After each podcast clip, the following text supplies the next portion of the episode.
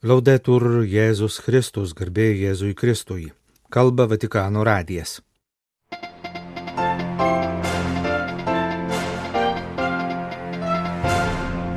Baigėsi vyskupų sinodo asamblėja. Šeštadienio vakarą per paskutinį posėdį balsavimu buvo patvirtintas baigiamasis sintezės dokumentas. Sekmadienį popiežius Šventojo Petro bazilikoje vadovavo sinodo uždarimo mišioms. Meilė Dievui ir meilė artimui neatskiriamos, pabrėžė popiežius kalbėdamas sekmadienio vidudienį prieš viešpatės angelo maldą. Šią progą jis dar kartą prašė nepaliauti melstis už Ukrainą, Palestiną ir Izraelį. Sinodo atgarsiai ir kiti bažnyčios gyvenimo įvykiai praėjusios savaitės Lietuvos žiniasklaidoje.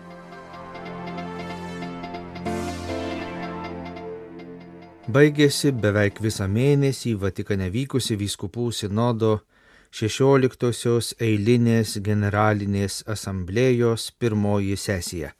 Sinodo tėvai ir motinos balsavimu priėmė baigiamąją šios sesijos sintezę. Šeštadienio vėlų vakarą buvo paskelbtas sintezės tekstas ir balsavimo už kiekvieną jos punktą rezultatai. Balsavimu priimtą dokumentą Šventojo sostos spaudos salėje pristatė vyskupų sinodo generalinis sekretorius kardinolas Mario Grekas ir šios asamblėjos generalinis relatorius kardinolas Žanas Klodas Olerichas. Šeštadienį paskelbtas sintezės dokumentas yra intensyvaus ir vaisingo darbo rezultatas, kalbėjo per spaudos konferenciją kardinolas Grechas. Rezultatas darbo, kuris priklauso ne tiek nuo mūsų įgūdžių ir gebėjimų, kiek nuo įsiklausimo į dvasę kurios šaukėsi tiek patys sinodo dalyviai, tiek jos šiai asamblėjai meldė visą bažnyčią. Kardinolas dar kartą priminė, kad sinodas neturi sprendžiamosios galios, bet pateikia įžvalgas ir pasiūlymus. Tai gerai atsispindi pačioje dokumento struktūroje. Kiekvieną teminį skyrių sudaro trys dalys - tai, dėl ko visi sutarė, tai, ką dar reikia pagilinti ir pasiūlymai. Vyskupų sinodo generalinis sekretorius sakė, kad užbaigdami šią sesiją jos dalyviai tikisi, kad viso pasaulio vyskupų konferencijos priims šį dokumentą kaip paskatą tęsti kelionę, stiprinti bažnyčioje sinodinį stilių, įtraukti į sinodinį procesą ir tuos, kurių jis dar nepasiekė. Iki 2024 m. spalį vyksiančio šios asamblėjos tesinio laukia metai, per kuriuos galima pagilinti per dabartinę sesiją iškeltus klausimus. Šią progą Vyskupų sinodo generalinis sekretorius taip pat pranešė, kad šios asamblėjos sekretoriatas, taryba ir asamblėjos narių sudėtis bus tokia pati ir per 2024 spalio mėnesio sesiją. Sinodo asamblėjos generalinis relatorius kardinolas Olerichas per spaudos konferenciją trumpai apžvelgė patį sintezės dokumentą. Tai gana didelės apimties tekstas, kurį sudaro trys dalys, turinčios 20 skyrių. Pirmoje dalyje sinodinės bažnyčios veidas pristatomi teologiniai principai, kurie paaiškina ir pagrindžia patį sinodiškumą. Antroje dalyje visi mokiniai, visi misionieriai kalbama apie subjektus, kurie įvairiais lygmenimis sudaro Dievo tautą ir kurie kiekvienas savo ruoštų yra pašaukti priimti sinodiškumą kaip bažnyčios gyvenimo ir veikimo stilių. Trečiojoje dalyje - mėgsti ryšius, kurti bendruomenę, dėmesys sutelkiamas į institucijas ir procesus, kurie įgalina ir skatina dialogą ir mainus pačios bažnyčios viduje ir santykiuose su pasauliu. Vyskupų sinodo asamblėjos dalyvių balsavimu priimtas sintezės dokumentas buvo įteiktas popiežiui, jis perduodamas ir vyskupų konferencijoms visame pasaulyje, kad jos su juo supažindintų vietinėse bažnyčiose gyvenančią Dievo tautą.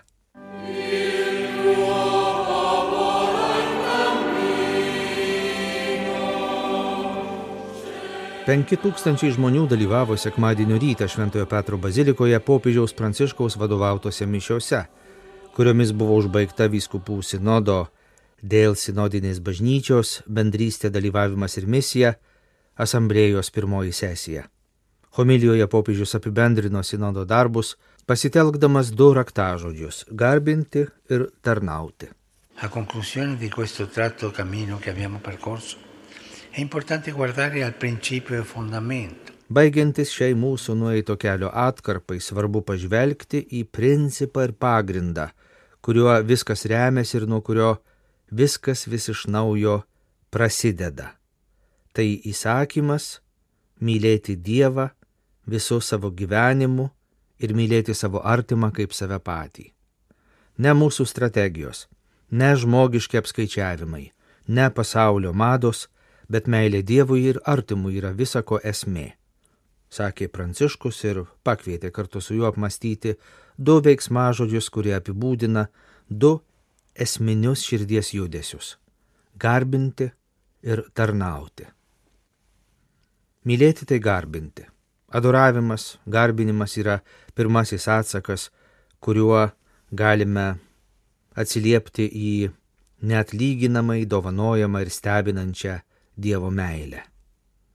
Adoruoti, garbinti iš tiesų reiškia tikėjimu pripažinti, kad tik Dievas yra viešpats ir kad nuo jo meilės priklauso mūsų gyvenimas, bažnyčios kelias, istorijos likimas.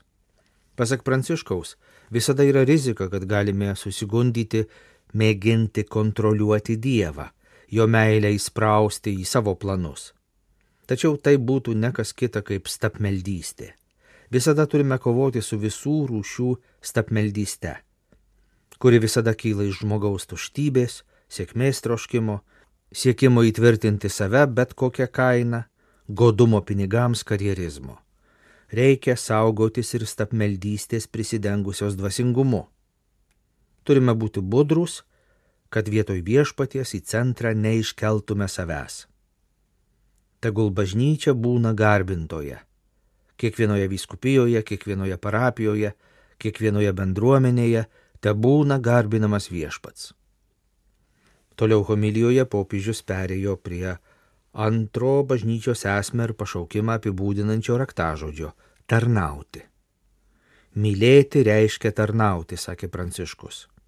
Didžiuoju meilės įsakymu Kristus susijęja Dievą ir artimą, kad jie niekada nebūtų atskirti.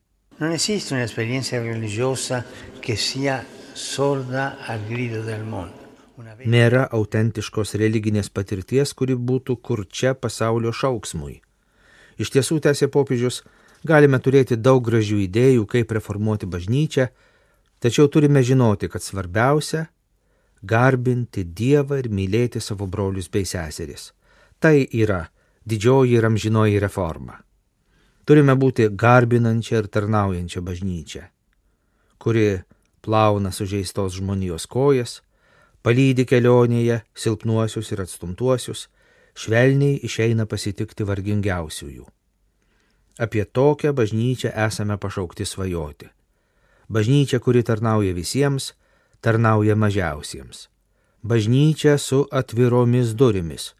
Bažnyčia gailestingumo uostą. Brangus bičiuliai, Sinodo asamblėja baigėsi.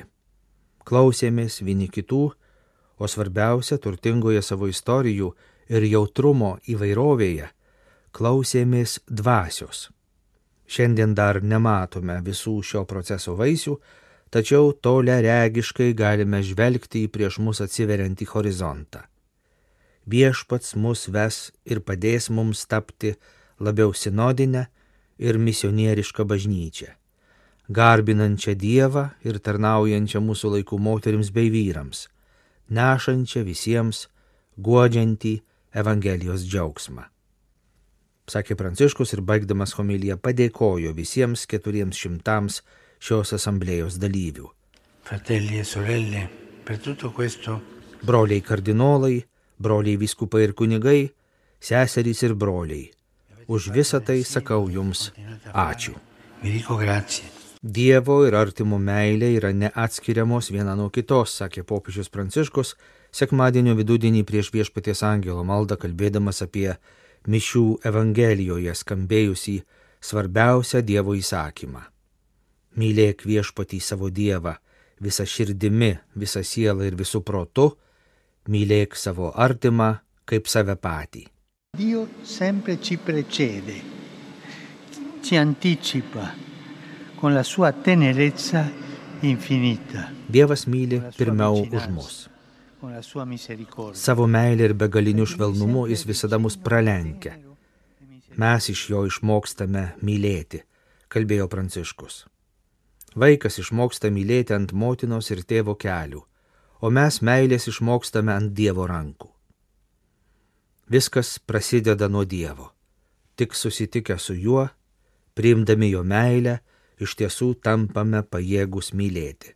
Tad nesipriešinkime, kasdien atverkime savo širdis viešpačiui. Meilė Dievui yra neatskiriamai susijęta su meilė artimui. Meilė artimui yra mūsų meilės Dievui atspindys ir įrodymas. Kai mylime savo brolius ir seseris, mumise tarsi veidrodyje atsispindi Dievo meilė, sakė popiežius. Mylėdami žmonės mes irgi turime sekti Dievo pavyzdžių, neturime laukti, bet patys turime žengti pirmą žingsnį link mūsų brolių ir seserų. Turime mylėti nelaukdami, kol pasaulis, visuomenė ar bažnyčia pasikeis, nelaukdami ir nesitikėdami pripažinimo. Taigi, brangus broliai ir seserys, kalbėjo Pranciškus, apmastydami Dievo meilę, kuri visada eina pirma mūsų, galime savęs paklausti, ar esu dėkingas viešpačiui, kuris mane myli pirmas, ar stengiuosi atspindėti jo meilę, ar su Dievo pagalba šalinu iš savo širdies neskaidrės savanaudiškumo, apmaudo, nelankstumo, prisirišimo prie daiktų apnašas. Tai, kas man trukdo aiškiai atspindėti tėvo meilę.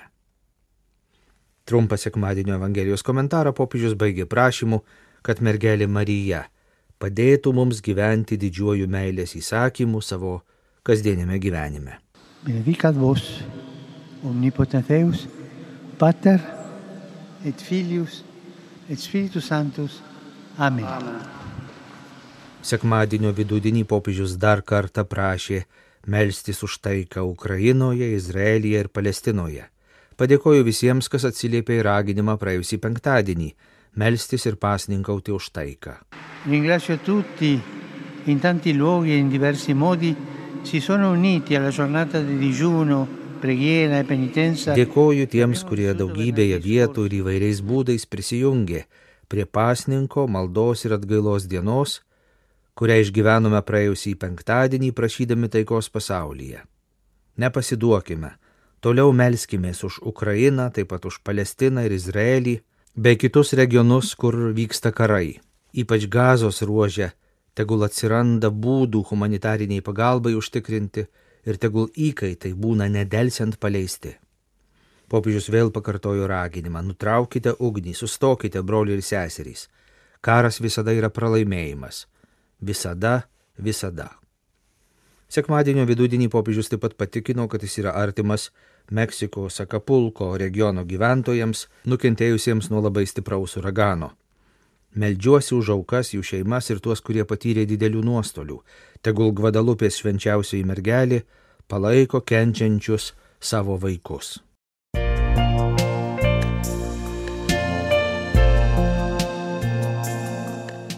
Jūs klausotės Vatikano radio. Tęsėme žinių laidą lietuvių kalba.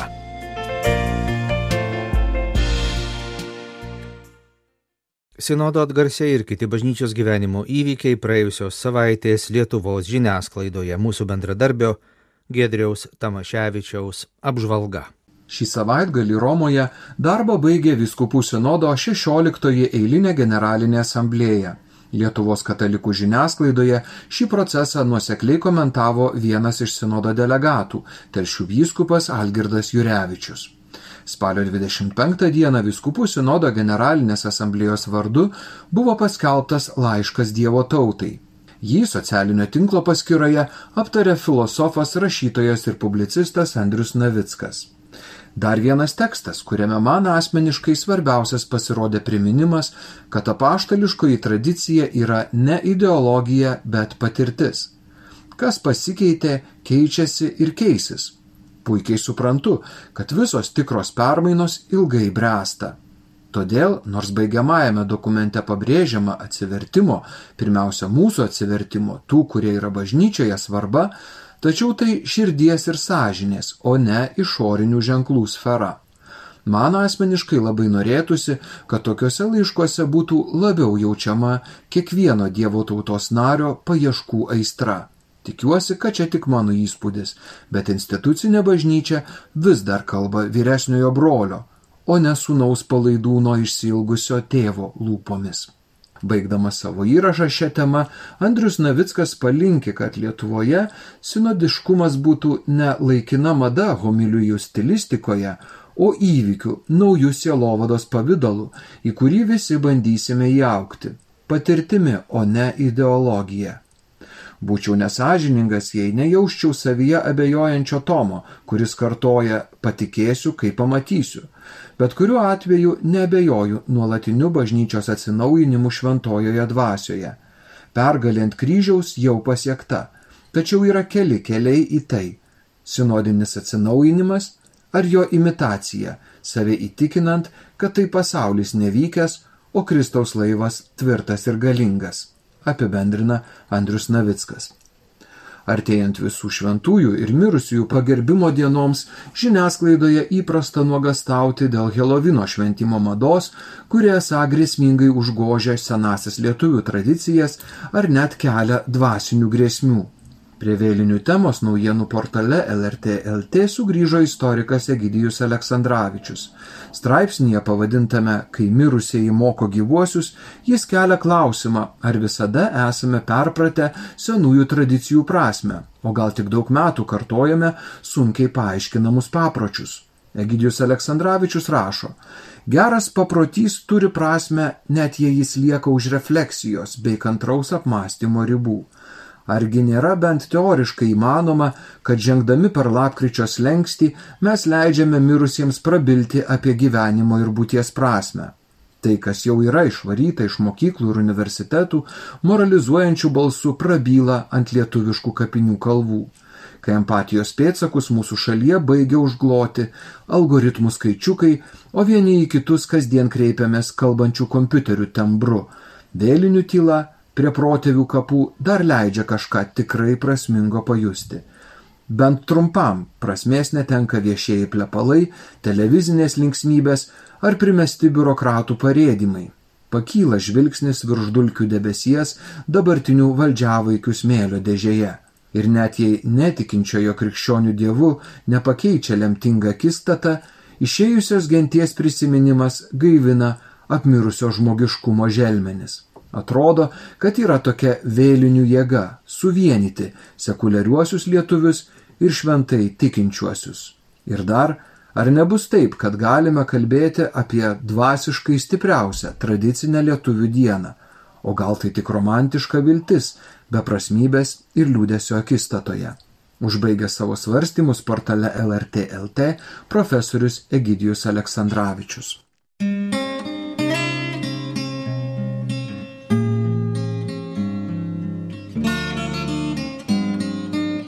Kalba Vatikanų radijas. Laidą lietuvių kalba baigėme. Garbėjai Jėzui Kristui, laudetur Jėzus Kristus.